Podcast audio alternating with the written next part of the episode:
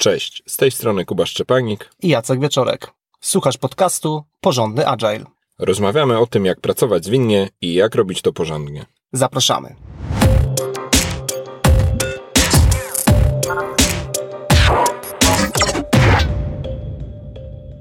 W dzisiejszym odcinku porozmawiamy o planowaniu sprintu.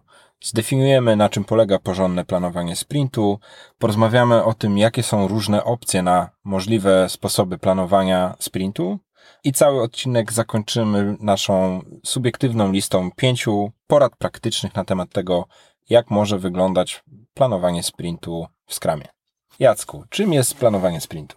W największym uproszczeniu zdefiniowałbym planowanie sprintu jako wydarzenie, podczas którego planujemy pracę na nadchodzący sprint.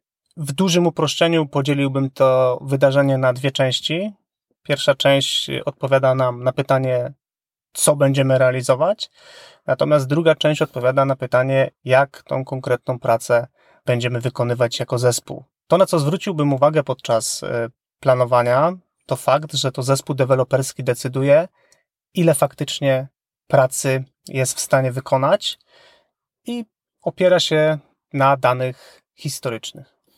To ma ciekawe korzenie historyczne, ten e, rozróżnienie na dwa etapy, bo jak e, uczyłem się Scrama na szkoleniu Certified Scrum Master w 2009 roku, to wersja, którą ja wtedy poznawałem, to jest taka, że planowanie sprintu składa się z dwóch osobnych, wyraźnie odróżnialnych części. E, właśnie ustalenie zakresu sprintu i ustalenie planu pracy w sprincie i to były jakby dwie wyraźne, oddzielne czynności. No, jedne z kolejnych aktualizacji Scrama to trochę no, jakby zatarło to odróżnienie wyraźne, że faktycznie planowanie to są obie rzeczy w miarę równomiernie, równolegle czy naprzemiennie, a nie wyraźnie odseparowane. Plan pracy od zakresu pracy. E, no, możemy o tym jeszcze rozmawiać, dlaczego tak e, wyszło. Dodałbym do tej definicji jeszcze tylko mm, fakt, że powstaje cel sprintu. Celu sprintu nie będziemy dzisiaj pogłębiać, ponieważ rozmawialiśmy o nim w odcinku numer 7, który załączymy do notatek. Natomiast z perspektywy planowania jest to ważna informacja, że taki cel sprintu dokładnie podczas tego wydarzenia powstaje. No i ważna de definicyjna kwestia to też to, że e, planowanie sprintu czy ten cel sprintu dąży do tego, żeby powstał na końcu, pra, na końcu sprintu przyrost. Czyli planujemy uzyskanie przyrostu. To nie jest tylko planowanie bycia zajętym, to jest planowanie w celu osiągnięcia przyrostu będącego efektem pracy całego zespołu deweloperskiego. W kolejnej części odcinka zanurkujemy głębiej w temat e, różnych opcji na planowanie. Nazwaliśmy to spektrum opcji planowania, ponieważ e, przygotowując się wyliczyliśmy co najmniej pięć wymiarów różnego rodzaju typów, czy wariantów, czy różnego rodzaju akcentów, jakie mogą przybierać planowania w różnych zespołach w zależności od różnych rzeczy. I będziemy o nich tak właśnie trochę przez przykłady i trochę przez pokazanie pewnych kontrastów e, opowiadać, bo tak podstawowa myśl, z jaką wychodzimy i, i jaka jest do przekazania w ramach tego odcinka, to też to, że różne zespoły planują na różne sposoby i nie, mhm. nie, ma, nie ma takiego jednoznacznego sformułowania, że jakiś sposób jest lepszy, jakiś jest gorszy, ten jest efektywny, ten jest nieefektywny. W różnych zespołach różne metody planowania będą e, działały i też to bywa, że są konkretne powody czy konkretne konteksty funkcjonowania zespołu, od których te metody planowania mogą zależeć, czy Y, czy, może też zależeć ich skuteczność. Pierwsze ze spektrum, o którym myślimy, to e, taka, taki kontrast, realizowanie czy przygotowywanie bardzo dokładnego planu pracy na planowaniu, jako pewne przeciwieństwo sformułowania bardziej celu i realizowania tego planu tak trochę ad hoc, czy trochę wyłaniania się go w trakcie sprintu. Jakie tutaj masz, Jacek, e, przemyślenia w tym punkcie? Na bazie doświadczeń e, powiedziałbym, że im bardziej zespół rozumie produkt, który tworzy, im lepiej ten produkt rozumie, im lepiej zna możliwości zespołu, im bardziej domena, w której się porusza, jest bliższa domenie prostej bądź domenie skomplikowanej, nie jest to domena jakoś wybitnie złożona, tym bardziej zespoły są w stanie przygotować bardzo konkretny plan. I mówiąc bardzo konkretny plan, mam na myśli, że wiemy konkretnie, jakie zadania wykonamy, wiemy, kto wykona te zadania, mniej więcej potrafimy to osadzić w czasie. Oczywiście im krótszy sprint, tym ta precyzja jest większa. Tak więc powstaje plan, który możemy sobie prześledzić dzień po dniu, osoba po osobie i on rysuje nam krajobraz na najbliższe dni. Tak w skrócie, co, kto, kiedy.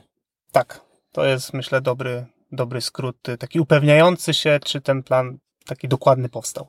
No to przeciwieństwem tego jest e, sytuacja, w której zespół właśnie wykonuje jakieś bardzo złożone przedsięwzięcie, jakieś bardzo eksperymentalne. Być może jest to zespół, który korzysta z Scrum, ze Scrama do tego, żeby w ogóle poznać jakoś, e, jakieś rozwiązanie albo w ogóle wymyślić coś na nowo.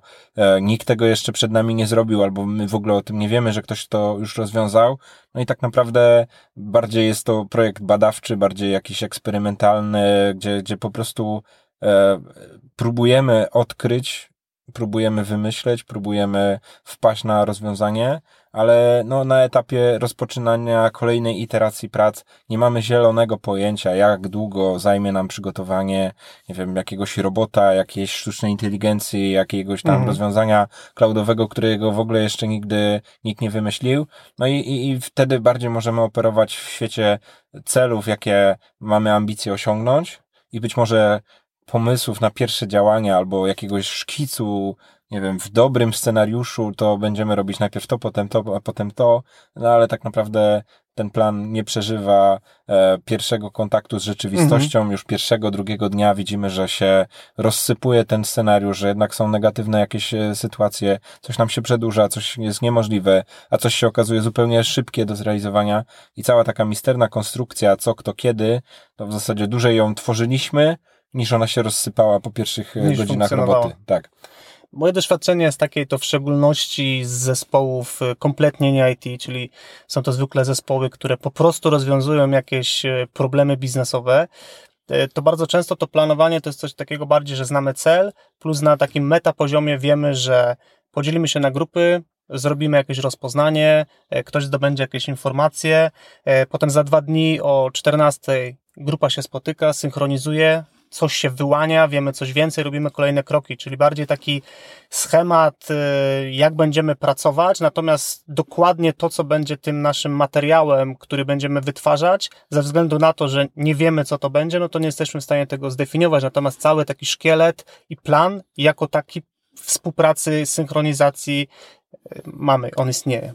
I, I takie podejście wcale nie stoi w sprzeczności ze Scrumem, bo pamiętajmy, że mamy do dyspozycji codziennego Scrama, żeby sobie taki bardzo precyzyjny poziom codziennie ustalać. Natomiast ten szkielet, schemat, e, odpowiada na, na, kilka podstawowych właśnie tematów typu wewnątrz sprintu, ile mamy dni na załatwienie jakichś danych, czy po, zrobienie jakiegoś eksperymentu, kiedy ponownie przeplanowujemy te rzeczy albo na codziennym skramie, a być może potrzebujemy jakiejś kolejnej, nie wiem, mini nasiadówy, warsztatu, jakkolwiek to nazwiemy, czyli tak naprawdę y, ten meta poziom, o którym powiedziałeś, czy jakiś tam na wysokim poziomie ogólności szkielet, czy szkic pracy w sprincie, mhm może być doszczegóławiane z dnia na dzień na kolejnych e, codziennych skramach. Ale nic nie stoi też na przeszkodzie, żeby spróbować różnych styli. To jest mhm. taka w sumie generalna rada, która będzie nam się przewijała przez wszystkie te różne opcje. E, no i zobaczyć, czy czasami nie jesteśmy zespołem, który na siłę planuje bardzo szczegółowo, mimo że nasza domena na to nie pozwala, albo dokładnie odwrotnie. Mhm. Wydaje nam się, że jesteśmy tutaj nie wiadomo jak wielkimi eksperymentatorami, a my najzwyczajniej w świecie robimy relatywnie proste rzeczy. Po prostu jeszcze kolejną zakładkę dokładamy do systemu. I guzik. I to się, te guziki, czy te przyciski, czy te kolejne jakieś tam rozwijalne listy, no da się niedużym nakładem e, czasu rozłożyć na części pierwsze i jakoś precyzyjnie poplanować, żeby widzieć, ile jesteśmy w stanie zrealizować i ewentualnie wykryć jakieś, czy to zależności, czy to jakieś wąskie gardła, czy odkryć, że, że, że, że ten plan ma jakieś e, ryzykowne miejsca. To, co myślę warto dodać, tak podsumowując rozważania na temat tego aspektu, to jest to, że w którym obszarze byśmy się nie znajdowali, e, dokładnego planu, czy takiego bardziej eksperymentowania, nadal mamy najlepszy plan, jaki jesteśmy w stanie przygotować, a mówię to dlatego, żeby nie wpaść w taką pułapkę pod tytułem tak, niewiele wiemy, że w sumie nic nie jesteśmy w stanie zaplanować. Nie, nie da się zaplanować. Tak, zdecydowanie z doświadczenia wiem, że Zawsze jakiś plan jesteśmy w stanie przygotować, no i tylko tutaj będziemy mówić o tej jego takiej głębi odwzorowania, o tym, jak dokładnie będzie on nam mówił, co planujemy wykonać. Albo plan będzie szczegółowym postęp, jakby szczegółowym pomysłem na realizację prac, prac albo będzie pomysłem na pewne podejście do prac mhm. w ramach sprintu, ale zawsze to może być plan i mamy punkt startu do kolejnej wersji, kolejnej ewolucji czy kolejnych pomysłów. Jeśli chodzi o ewolucję, to możemy tutaj e, kolejną, kolejną z możliwych e, e, kontrastujących się opcji pokazać, no to taka, taka kwestia planowania znanego rozwiązania czy stałego zakresu na etapie planowania lub planowania eksperymentów, czyli podejścia do sprintu jako e, sposobu na realizację różnych wersji i wymyślenia, czy dojścia do tego, jak to zrobić e, w środku sprintu, jak wybrać tą najlepszą. Innymi słowy, planowania w niektórych zespołach mają z góry znane rozwiązanie, pewien cel sprintu, do którego w zasadzie jedną, jedyną słuszną ścieżką trzeba dojść i przedmiotem planowania i ewentualnego też dopasowywania jest, jak to dokładnie będziemy robić, ewentualnie jak dzielimy się zadaniami, ale są też możliwe wersje, czy są też zespoły, w których to planowanie będzie bardziej polegało na tym, że mamy jakiś problem do rozwiązania i nawet jeszcze na planowaniu nie mamy pewności, które z możliwych rozwiązań będzie nam się sprawdzało. I jak o tym mówisz, to, to też od razu mi się taka e, pułapka e, otwiera w głowie na takiej zasadzie, że jeśli zbyt e, dobrze się czujemy z rozwiązaniem, w sensie ono już jest tak idealnie przygotowane od dawna, no to to też może świadczyć o tym, że realizujemy jakiś z góry założony projekt i bardziej tak. chcemy dostarczyć pewne konkretne efekty, konkretne wymagania, zrealizować coś namacalnego, a nie jesteśmy w sytuacji, w której rozwiązujemy problem, e, mamy kontekst biznesowy i tak naprawdę to od zespołu deweloperskiego zależy, które rozwiązanie zostanie e, wykorzystane. Tak bardzo jesteśmy wpatrzeni w tą ścieżkę, którą już sobie z góry wymyśliliśmy, że w ogóle nie dostrzegamy, że są też inne ścieżki. E, i tutaj niektórym, e, niektórym z, z, zespołom po prostu nie jest dane wybrać jednej z tych opcji. Po mhm. prostu, jeśli ich rozwiązanie jest w miarę powtarzalne, czy w miarę zdefiniowane, no to, to, to planowanie po prostu polega na tym, żeby to sformułować i to zrobić. No jedną, jedyną przestrogę, jaką bym robił, to też e, takie, takie powiedzonko jest, że jeśli, e, że, że są ludzie, którzy każdy problem traktują jako gwóźdź do wbicia, bo bardzo dobrze operują swoim młotkiem. No i jeśli, jeśli yy, nie wiem, jesteśmy zespołem, który tworzy apki mobilne i ciągle biznes nam przynosi problemy, a my na każde z tych rozwiązań widzimy jako rozwiązanie, to dołóżmy jeszcze jedną apkę, jeszcze tu do ekosystemu, jeszcze tu coś, tu połączmy, tu rozbudujmy, to no jakby jest wiele innych alternatywnych wersji na rozwiązanie niż ta jedyna, w której się czujemy najbardziej pewni. Oczywiście to wtedy teraz automatycznie zahaczyliśmy o wielki temat e, mhm. e, zarówno architektury, jak i takiego powiedzmy biznesowego podejścia do rozwiązywania problemów, e, ale również zespoły mogą minimalnie rozszerzać sobie tą perspektywę, czy są jakieś lepsze rozwiązania niż takie, które automatycznie nam przychodzą do głowy, e, że po prostu tak, to zróbmy. I, no i to wtedy otwiera taką fajną perspektywę, y, że na przykład e, najlepszym z rozwiązań jest nie robić nic. Najlepszym z rozwiązaniem na dany problem jest odesłać ten problem do zupełnie innego zespołu niż nasz. E, I fajnie jest mieć otwartość w dyskusji na planowaniu sprintu na takie rzeczy. E, to może czasem oznaczać konieczność e, rozmowy jeszcze wcześniej na refinemencie, ale również wewnątrz sprintu jest wiele różnych opcji na rozwiązanie danego problemu i bądźmy otwarci na to, że, że tych opcji jest e, więcej. I teraz jakby zarówno product owner, jak i scrum master fajnie, jeśli zachęcają zespół do tego, żeby sobie tą perspektywę rozszerzać. No i, i jakby jeśli w zespole i w planowaniu jest miejsce na to, żeby sobie tą różnorodność wersji no, wymyślać, dopuszczać ją, zaeksperymentować. To zasygnalizuje może też taki obszar tutaj, który może determinować to, w którym, w której części tego spektrum, o którym mówimy, się znajdujemy, ponieważ widzę, że bardzo często to oczekiwanie od zespołu, czy mają po prostu realizować to, co zostało powiedziane, czy mają przestrzeń na eksperymentowanie, jest osadzone w kulturze organizacyjnej. I mhm. po prostu są firmy, które traktują zespoły deweloperskie, czyli obojętnie z jakiej branży są, ale jako takie zespoły, które po prostu zrealizują to, co im powiemy, są firmy, które traktują te zespoły jako takich eksploratorów, odkrywców i widzą w tych zespołach coś więcej. Całym sercem jestem bliżej oczywiście tej, tej drugiej opcji, e, natomiast e, nie każda firma, wydaje mi się, w ogóle wie, że tak możemy spojrzeć na zespół, albo świadomie po prostu chcą realizować rzeczy tak, jak zawsze realizowali, czyli ktoś inny wymyśla, ktoś inny realizuje, a ci, co realizują, mają tylko realizować i najlepiej nie zadawać e, pytań. No i jak nałożymy na to taki aspekt transformacyjny, to też e, e, w każdej firmie, która jest eksperymentująca, na początku musi być ten pierwszy najbardziej odważny, który zachęci pozostałych, że hej, to chyba jest opcja jedna z kilku i może pomyślimy, czy są jakieś inne niż ta, która jest nam zlecona, więc tutaj nawet jeśli jesteś słuchaczu w realiach firmy, która jest taka bardziej zleceniodawca, zleceniobiorca mhm. i zespół jest po prostu wykonawcą i ma nie zadawać pytań, czy nie, nie kwestionować, no to ten pierwszy odważny musi się znaleźć i może to możesz być ty. Przejdźmy do kolejnego z możliwych spektrów. E, też takie dosyć wyraźnie kontrastujące dwa możliwe rozwiązania na planowanie sprintu. To jest to, od czego zaczynamy. Jeden bardzo fajny mechanizm to jest rozpoczynamy od celu sprintu i pod ten cel dobieramy zakres pracy i rozwiązanie. W wielu innych, w wielu zespołach spotykamy dokładnie odwrotną kolejność. Najpierw znane są elementy zakresu, elementy product backlogu, które są najważniejsze, są w pierwszej kolejności realizowane i wybrane przez product ownera do, jako najbardziej priorytetowe. I zespół dopiero mając ustalony zakres sprintu, próbuje zdefiniować cel sprintu. Mhm. Te dwie rzeczy są tutaj no, ewidentnie kontrastujące. No, albo zaczynamy od celu, albo zaczynamy od pojedynczych elementów, z których dopiero lepimy cel. Mhm. Miałem y, przyjemność pracować y, z zespołami, które pracowały zarówno startując od celu, jak i startując od zakresu. Ostatnie moje doświadczenia raczej i takie też wydaje mi się, że chyba nawet bym powiedział, że taka moja prywatna preferencja jest taka, żeby jednak rozpocząć od celu sprintu.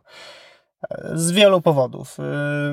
Po pierwsze, dlatego, że zapewnia to, że zaczniemy od tego why, od tej informacji, dlaczego w ogóle powinniśmy poświęcić nadchodzący sprint e, na pracę, co miałoby być efektem e, tego, e, tego sprintu. Drugi aspekt jest taki, że jasno określony cel sprintu faktycznie sprawia, że zespół deweloperski zaczyna myśleć trochę bardziej o sobie jako o zespole i że całe to dążenie w sprincie jest, żeby zrealizować cel, a nie zrealizować pojedyncze zadania, które mamy e, do siebie przypisane. Natomiast trzeci aspekt, który uważam za wartościowy w tym kontekście jest taki, że przygotowany cel sprintu na początku planowania. Zwykle oznacza też, że product owner czy właściciel produktu odrobił jakąś tam lekcję w głowie na zasadzie, co ja bym chciał biznesowo zrealizować w kolejnym sprincie. Czyli to zwykle mm, mi pozwala uwierzyć w to, że za produktem stoi jakiś większy plan i to nie jest coś takiego, że zobaczymy, co wyjdzie na planowaniu i w zależności od tego, jak tam zawieje wiatr, to to zrobimy, tylko jest jednak jakaś koncepcja, jakaś wizja, jakaś roadmapa, taka w rozumieniu niekoniecznie, że wiemy dokładnie po kolei, co dostarczymy, a raczej jakie efekty chcemy uzyskać, no i po prostu na tą ścieżkę wchodzimy. Moja osobista preferencja też jest po tej stronie tego kontrastu, więc e, wcielę się chwilowo w e, adwokata diabła. Jeśli miałbym powiedzieć, że, że te rozwiązanie takie dobieramy zakres z backlogu produktu jest lepsze, to na pewno widzę, że ono się o wiele lepiej sprawdza w zespołach, które mają e, trochę większy procent maintenance'u, albo ich produkt jest już trochę starszy i tak naprawdę opieka nad tym produktem i jego rozwój to już nie jest stricte tylko pokonywanie kolejnych jakichś przełomowych E, e, nie wiem, wersji, czy odkryć, czy dodawanie nowych, dużych funkcji, ale to też jest szereg drobnych e, zleceń z pogranicza utrzymania, drobnych mhm. usprawnień, dokładania jeszcze czegoś i tam tak naprawdę może być dosyć różnorodny zakres prac, ale wiele z tych rzeczy jest na przykład dosyć pilna albo robi dużą różnicę małym kosztem, stąd no może być sens w tym, żeby tworzyć elementy zakresu i zobaczyć, czy czasami one nie tworzą jakiegoś większego e, celu, lub część z nich nie tworzy większego celu, bo żebyśmy mhm. tutaj nie powtórzyli całego odcinka siódmego, do którego jeszcze raz e, zachęcimy. E, co nie zmienia faktu, że warto myśleć tą perspektywą przyrostowej pracy, czyli każdy sprint doprowadza do przyrostu. No i cel sprintu jest bardzo fajną praktyką pozwalającą zdefiniować ten przyrost i ona otwiera też e, tą różnorodność możliwych opcji, o, o czym wspominaliśmy chwilę temu. Kolejnym aspektem, który chcielibyśmy przedstawić w ramach przedstawiania tak szerokiego spektrum planowania jest podejście, w którym bądź wiemy, kto dokładnie będzie wykonywał jaką pracę, natomiast po drugiej stronie osi absolutnie nie wiemy, kto będzie wykonywał pracę. W sensie wiemy, że jest jakiś plan, ale w jednej opcji potrafimy powiedzieć imiennie, kto konkretne zadania wykona, natomiast w drugim wariancie wiemy, że jest jakaś praca, natomiast co do zasady, kto tą pracę wykona, nie jesteśmy w stanie powiedzieć, oczywiście świadomie, y, podczas planowania. I teraz e, wracając do tego e, takiego oldschoolowego, co, kto, kiedy, to no, w tym przypadku w ogóle nie wiadomo kto. E, mhm. I może niektórym się wydawać, że takie opcje na planowanie są po prostu błędem. Natomiast widziałem w praktyce funkcjonujące zespoły. Jest kilka warunków, zaraz o nich powiem, ale takie zespoły, które po prostu tworzyły backlog sprintu, były w stanie określić plan, w sensie jakie aktywności muszą być wykonane, niektóre z nich w jakiej kolejności, żeby cały przyrost został uzyskany, ale nie potrzebowały ustalić tego planu w dniu planowania sprintu, bo na tyle wymienne były funkcje i na tyle, na tyle zespół był też otwarty na, na ewentualne zmiany, że w ogóle nie było to problemem, że nie mamy bardzo precyzyjnej listy osób przydzielonych do konkretnych zadań. Jakie są tu warunki, żeby to miało, mogło nastąpić? No pewnie e, nie trzeba trzeba tak precyzyjnie planować osób, jeśli jesteśmy w stanie się zadaniami w miarę płynnie wymieniać, bez dużej straty na jakości wykonania czy czasie wykonania mhm. tych zadań. Też e, bardzo pomaga w takiej wymienności bardzo drobne podzielenie zadań. Jeśli zadania są bardzo małej wielkości, to też regularnie jest okazja, żeby się albo tymi zadaniami dzielić, albo współpracować nad nimi, popracować w dwie, trzy osoby nad, e, nad jednym zadaniem.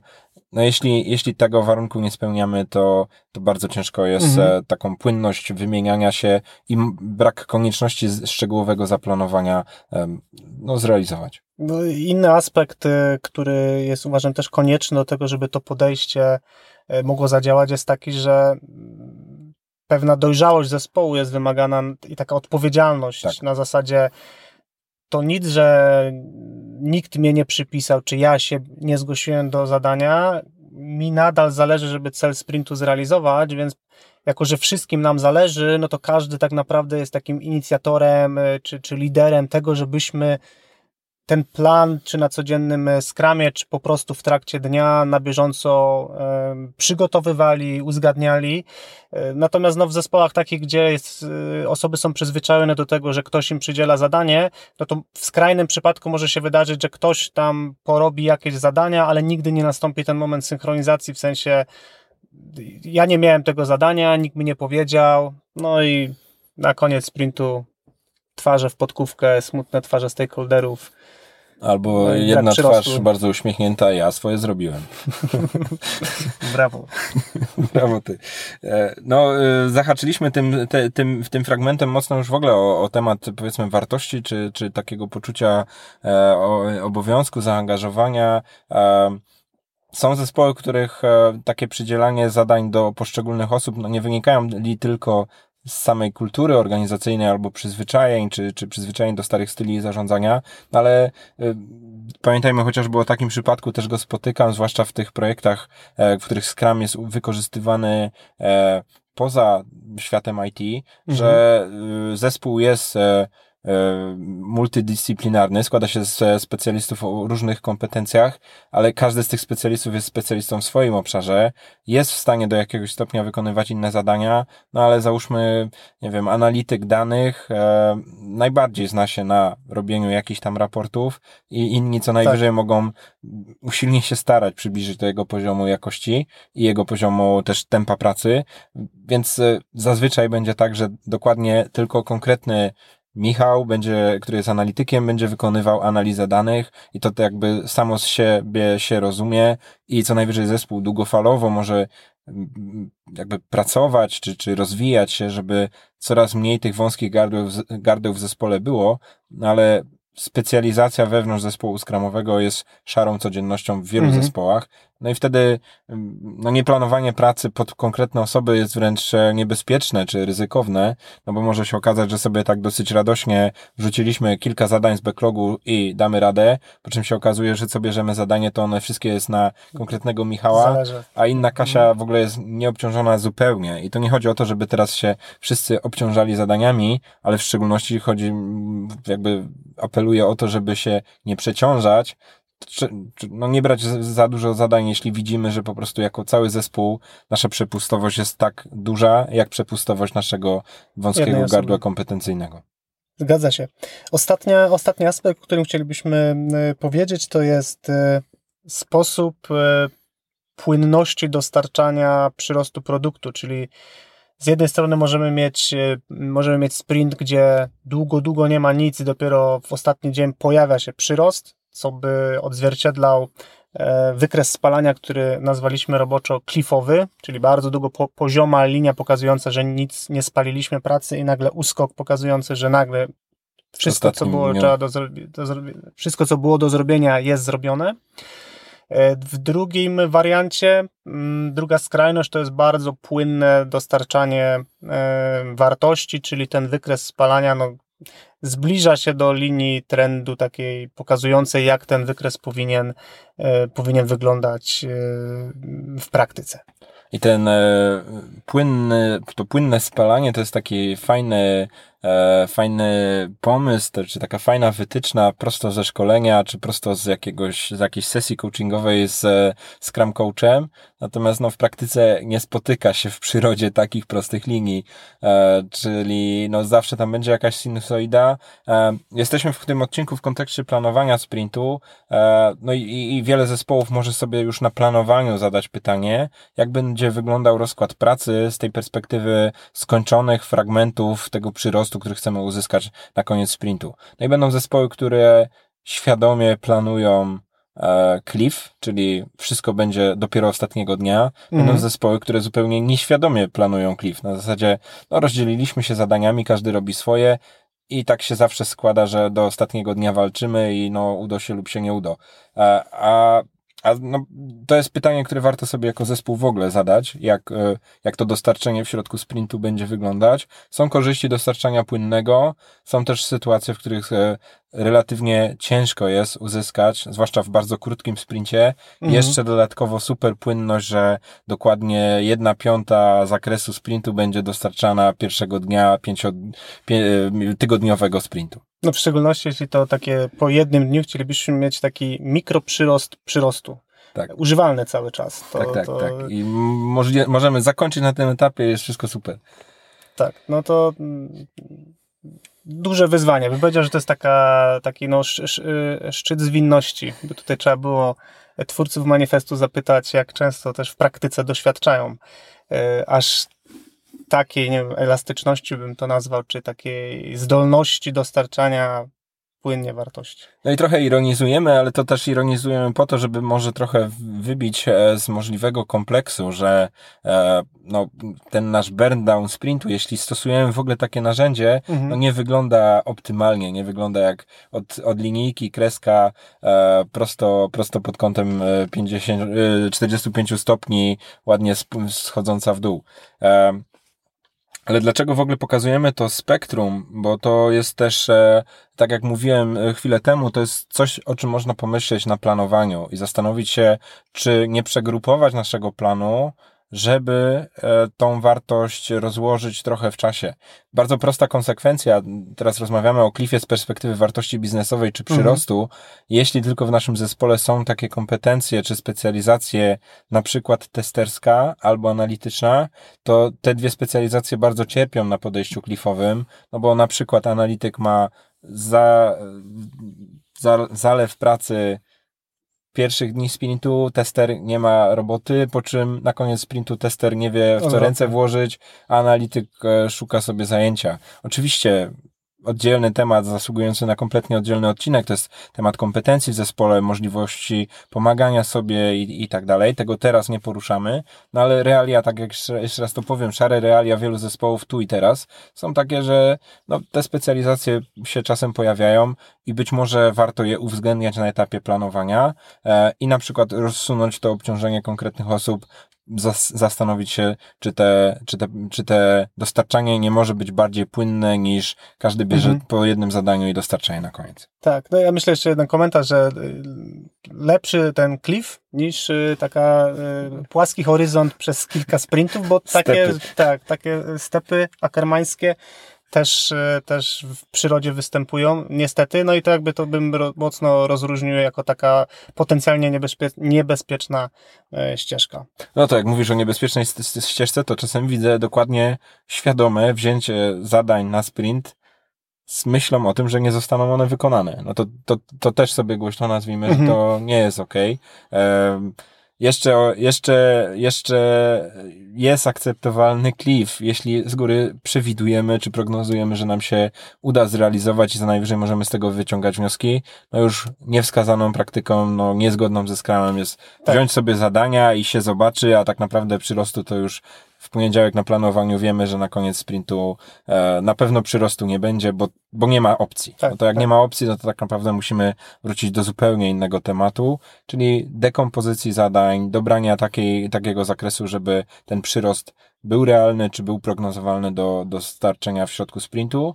No i albo potniemy chociaż średnio i wtedy będziemy mieli pewnie cliff, albo naprawdę drobno potniemy te zadania no i wtedy jest spora szansa na płynne dostarczanie przez cały sprint. Tak, ale w obu tych przypadkach na końcu sprintu jest przyrost.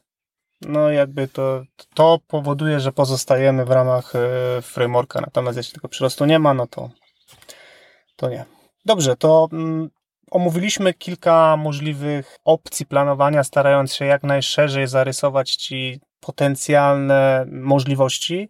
I chcielibyśmy zamknąć odcinek e, bardzo konkretnymi poradami praktycznymi na zasadzie, co albo jakie czynności mogą wpłynąć na to, żeby takie planowanie sprintu nam się po prostu udało.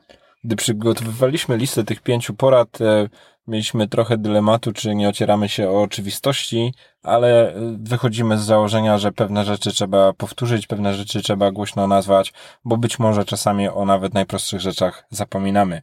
No i taka pierwsza, najważniejsza, prosta porada czy sekret na udane planowanie, tani i prosty i wygodny sposób to jest mieć dobry backlog produktu. Tak, i tu oczywiście możemy podyskutować, co to znaczy przygotowany backlog produktu, e, jak do tego dotrzeć. Natomiast no, taki, taki prosty test, e, który możesz zastosować w swoim zespole jest taki, czy podczas planowania faktycznie zespół jest w stanie zaplanować, czy raczej popadamy w sytuację, w której jest bardzo dużo pytań, jest bardzo dużo niejasności, ktoś podnosi rękę i mówi, a ja nie rozumiem, ktoś inny mówi, ja nic nie wiem o tym zadaniu, czyli to pokazuje, że najprawdopodobniej ta praca, która powinna zostać wykonana na, na e, refinemencie, po prostu nie została wykonana i jak bardzo byśmy się nie starali, no to nieprzygotowany backlog produktu powoduje, e, no, no, że ten plan nawet jak, jak jakikolwiek powstanie, to on może kompletnie się wysypać już pierwszego dnia, jak wsadzimy ręce w pracę i się okaże, że źle zrozumieliśmy, nie dogadaliśmy, te zadania są zbyt duże, nie rozumiemy ich, e, wpadliśmy w pułapkę założeń. Tak więc porządnie przygotowany backlog w takim rozumieniu, że e, zaplanowany, zaplanowana góra backlogu na jakiś tam horyzont czasowy, niech to będzie minimum ten jeden sprint do przodu, zadania dostatecznie e, małe, żeby można było je wziąć na sprint, e, zadania jasno opisane, z jasnym celem biznesowym, oszacowane też, żeby product owner mógł podejmować decyzje na zasadzie wartość a koszt, to to powiedziałbym takie absolutne minimum, żeby żeby nie wpaść w tą pułapkę, że nie mamy przygotowanego backlogu. Symptomem tego, że nasz backlog nie jest wystarczająco przygotowany, może być to, że planowanie się przeciąga. To mhm. znaczy, e, w praktyce zespoły, które spotykam, niezależnie od tego, jak różne konteksty, jak różne no, sytuacje, otoczenia e, by nie miały, to te no, czasy na planowania powinny wystarczać, e, w zależności od tego, jak zespół sobie to ustali, ale załóżmy, że to jest e, godzinka, dwie na tygodniowy, dwutygodniowy sprint. Moim zdaniem są w stanie wystarczyć do tego, tak. żeby sobie tę pracę rozplanować. No jeśli w Twoim zespole planowanie zajmuje wiele godzin, pół dnia i więcej, e, jest męczarnią, a na końcu i tak wszyscy czują, że, że planowanie nie zostało zrealizowane, no to bardzo poważnie bym się zastanowił, czy czasami zamiast nieudanego planowania nie wyszło całkiem niezłe e, doskonalenie backlogu, tylko niestety, ale na siłę zlepione z próbą planowania. E, no i no niestety, ale tak to jest, że jeśli nie zrobimy refinementu porządnego i nie uzyskamy dzięki temu gotowego do rozpoczęcia pracy czy przygotowanego backlogu, no to no jest, jest tutaj konsekwencja.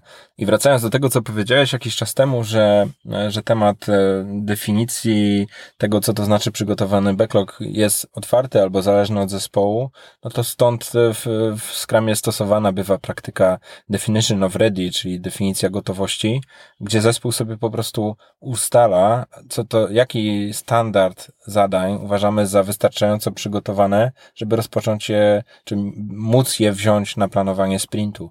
I w różnych zespołach, w różnych kontekstach, w różnych produktach, w różnych technologiach to mogą być różne rzeczy, ale warto sobie to jawnie nazwać, ustandaryzować, być może zrobić sobie jakąś listę kontrolną, punkty, które każdy element backlogu produktu musi spełnić żebyśmy w ogóle mogli je podejmować. I jeśli nie spełnia tej definition of ready, no to po prostu nie podejmujemy tego, bo one są niewystarczająco e, przygotowane. Następną e, radą praktyczną, również e, trochę w naszym odczuciu zahaczającą o w miarę oczywiste rzeczy, ale zaraz spróbujemy pokazać, że wcale takie nie są, no to jest uwzględnienie, uwzględnienie mocy przerobowych zespołu, mhm. które są do dyspozycji w ramach sprintu, sprintu który podlega planowaniu. Tak, przez tak może tak jakby dając konkretny przykład tutaj, e, też zaczynając od momentu, kiedy jesteśmy na przeglądzie sprintu, zespół próbuje pokazać przyrost, tego przyrostu właściwie nie ma, tak jak mówiliśmy, smutne twarze, przechodzimy na retrospektywę, no i tam zaczynamy dyskusję, dlaczego nam się nie udało. No i zaczyna się cała litania i historia pod tytułem Tomek miał dwa dni szkolenia, był wycięty. Krzysiek trzy razy pracował z domu. E, Kasia miała rekrutację, ktoś tam, coś tam i tak dalej, i tak dalej, i tak dalej. No i są zespoły, które mówią, no tak, no gdybyśmy wiedzieli wcześniej, że te rzeczy się zadzieją, to byśmy zaplanowali. No tylko tak, oprócz takich zdarzeń losowych, wszelkiego rodzaju takie rzeczy, że ktoś ma jakieś spotkania umówione, wydarzenia, że go nie ma, że ma konferencję, zwykle jesteśmy w stanie e, przewidzieć, a, a wręcz jest to już bardzo dobrze zaplanowane. Tak więc użycie tej wiedzy świadomie na planowaniu e, do tego stopnia, że jeżeli planujemy sobie wizualnie po prostu wykreślić pewne obszary z naszej dostępności z kalendarza powodują, że nagle się okazuje, hmm, z tego tygodniowego sprintu to tak naprawdę to nam zostało może trzy dni i to jakby zupełnie zmienia perspektywę e, planowania. No tylko po prostu trzeba sobie taki punkt dołożyć na, na checkliście e, przygotowywania planu sprintu, uwzględnijmy naszą dostępność, spójrzmy w nasze kalendarze, zobaczmy, jak faktycznie jesteśmy dostępni. No, doświadczenie moje jest takie, że stuprocentowa dostępność członków zespołu deweloperskiego to jest rzadkość. E, I są rzeczy, których zaplanować nie jesteśmy w stanie e, i na nie po prostu możemy wziąć pewną poprawkę, poprawkę czy, czy jakiś bufor, a, no ale cała masa rzeczy planowalna jest. Do listy przykładów, które wymieniłeś, która była dosyć kompletna i bardzo długa, no to jeszcze dołożyłbym jakieś aktywności związane ze współpracą w ramach e, kilku zespołów. Mhm. Jeśli mhm. dostarczamy jakiś serwis, z którego korzystają inne zespoły, jeśli jesteśmy e, częścią jakiegoś skalowanego projektu, jeśli, nie wiem, nasi eksperci są jednocześnie mentorami dla jakichś początkujących deweloperów z innych zespołów, no to to są wszystko aktywności, które mogą nam konsumować czas i być może takim po prostu nawykiem, czy taką, takim dobrym zwyczajem jest, że każdy członek zespołu dokonuje refleksji na temat tego, jaką będzie mieć dostępność w, w ramach sprintu i planowanie sprintu właśnie zaczynamy od takiej inwentaryzacji znanych niedostępności lub czasami odwrotnie patrząc znanych dostępności, jeśli nie jesteśmy w stanie sobie tego jakoś inaczej rozłożyć.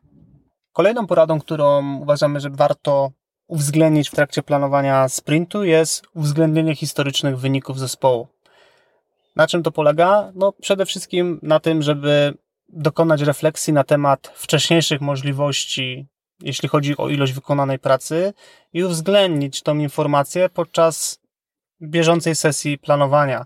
E, czyli przykładowo, jeżeli mówimy o zespołach, które wykorzystują na przykład story pointy jako, jako mm, sposób na określenie prędkości, e, no to jeżeli trzy ostatnie sprinty nasza prędkość oscylowała w granicach 30, e, a zespół przekonuje, że tym razem się uda dostarczyć 60, no to na pewno jakaś tutaj lampka by mi się zapaliła w głowie, co takiego się wydarzyło, że zespół podwoił swoją wydajność.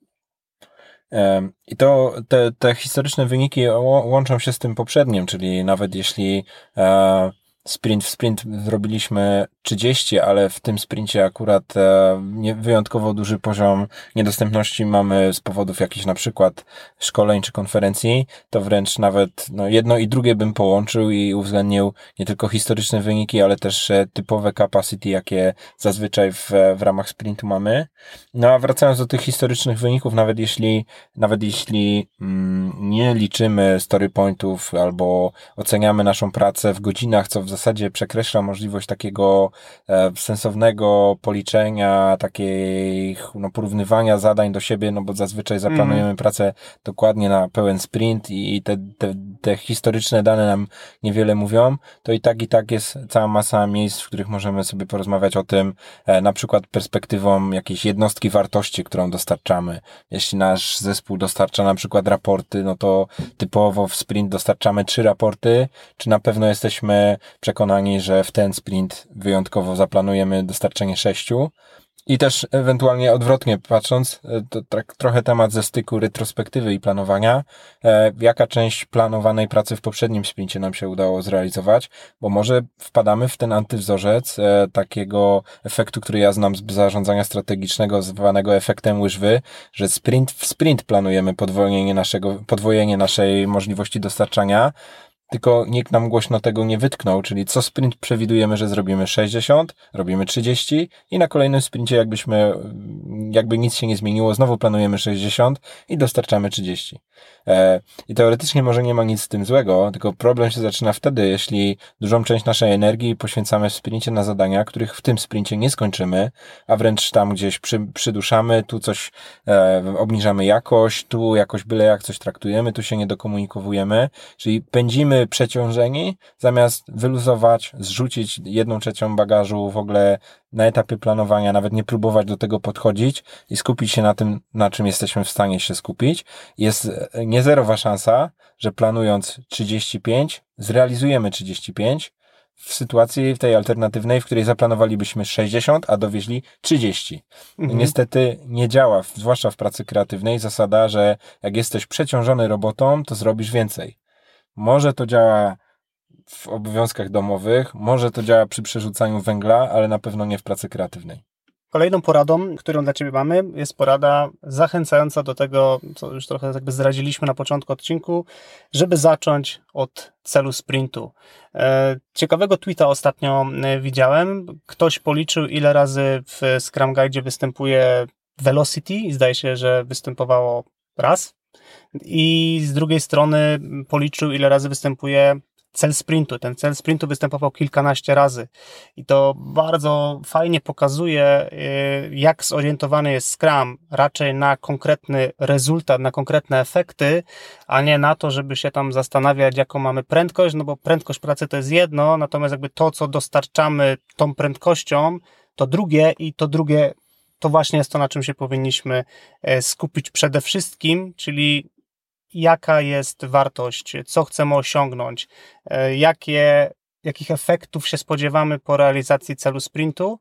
E, no i żeby jakby w ogóle wejść na te tony i w tą dyskusję, no to ten cel sprintu powinien się na tym planowaniu sprintu gdzieś na początku tego wydarzenia pojawić. Naszym największym zmartwieniem na planowaniu sprintu powinno być to, jaką różnicę biznesową zrobimy, a nie ile punktów jakichś umownych, czy sztucznych, czy jak bardzo obciążenie godzinami, czy dniami pracy będziemy i jak to będzie wyglądało w raportach. Żaden menedżer nie będzie się e, skupiał na pracy członków zespołu, żaden mądry menedżer może dopowiem. E, jeśli ten zespół po prostu będzie sprint w sprint robił różnicę biznesową, dostarczał rezultaty, e, fajne rozwiązania, eksperymenty, e, no kreatywne, kreatywne rzeczy dostarczał, a czy oni będą robili tam 17 umownych jednostek, czy 15, czy 19, czy zaraportowane będzie 8 czy 7 godzin, to powinien być zastępczy temat, temat zupełnie nieistotny. Ale niestety czasem jest zaklęte koło, że zespoły same sobie pozwalają wkręcić się w te takie liczenie jakichś punktów zamiast, zamiast po prostu stwierdzić, słuchajcie, co jest mhm. najważniejsze. I tu jest rola i product ownera, i Scrum Mastera, i wszystkich członków zespołu oraz również managementu, tak czy interesariuszy pojawiających się na sprint review. Oni wszyscy powinni rozmawiać o tym, jaką wartość biznesową dostarczamy, jakie cele kolejne realizujemy i jakie cele stoją jeszcze przed nami. I ostatni, ostatnią wskazówkę, którą mamy praktyczną do, do wykorzystania podczas planowania sprintu, to jest y, zachęta do budowania y, wizualnego planu sprintu.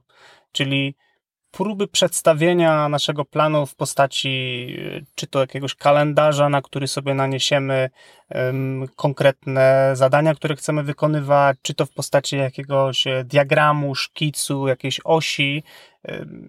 Forma tak naprawdę jest tutaj drugorzędna, natomiast y, dobrze zwizualizowany plan na bardzo wczesnym etapie upewnia nas, że pewne rzeczy rozumiemy tak samo. I bardzo długo możemy się zgadzać y, w takiej komunikacji werbalnej, czy rozumiemy, tak, rozumiemy.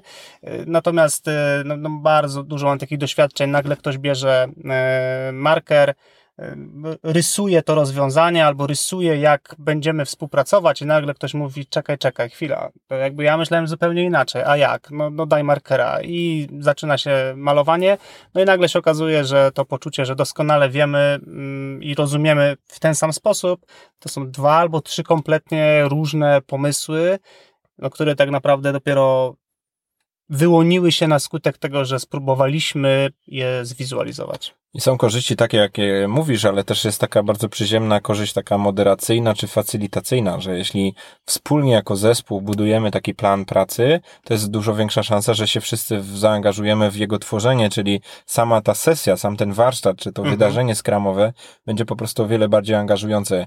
Bo jeśli no, zachęcimy jakimś takim ćwiczeniem typu, to teraz wspólnie rozpiszmy nasz pomysł na realizację sprintu, jakąkolwiek metodą planowania byśmy nie próbowali operować, no to zapraszamy do wypisywania wszystkich członków zespołu, układania ich na jakiejś osi, przestrzeni, jakimś schemacie, bloku, cokolwiek, i też razem przy tym manipulujemy. Tak naprawdę jesteśmy w stanie ogarnąć takie planowanie bardzo szybko, właśnie też dzięki zrównolegleniu pracy, a to zrównoleglenie jest możliwe właśnie jeśli dobieramy metody e, prezentowania tego planu, które mogą być e, równolegle przerabiane czy tworzone, a później poprawiane. I to była ostatnia porada, którą mieliśmy dla Ciebie dzisiaj. E, podsumowując, rozpoczęliśmy odcinek definiując, czym jest planowanie sprintu. Następnie porozmawialiśmy sobie o dostępnym spektrum opcji planowania, starając się jakby jak z najdalszych i najszerszych perspektyw spojrzeć na to konkretne wydarzenie i zamknęliśmy odcinek e, konkretnymi, praktycznymi poradami, które możesz użyć w swoim zespole już od najbliższego planowania. Dostajemy od Was czasem e, informacje o tym, że przegapiacie kolejne odcinki. Publikujemy je regularnie co trzecią środę od rana ale jest bardzo proste rozwiązanie systemowe. Zwróćcie uwagę, czy jesteście zapisani na naszym newsletterze, czy obserwujecie nasze media społecznościowe, Facebook, Twitter. E, możecie też e, zapisać się w kanałach, w których słuchacie naszego podcastu na urządzeniach mobilnych. Możecie nas obserwować na Spotify'u, e, subskrybować na podcast Apple'a. Dzięki takim rozwiązaniom relatywnie proste jeden klik i będziecie mieli pewność, że dostaniecie powiadomienie o każdym kolejnym odcinku. I to by było wszystko na dzisiaj. Dzięki Kuba. Dzięki Jacek. I do usłyszenia wkrótce. wkrótce.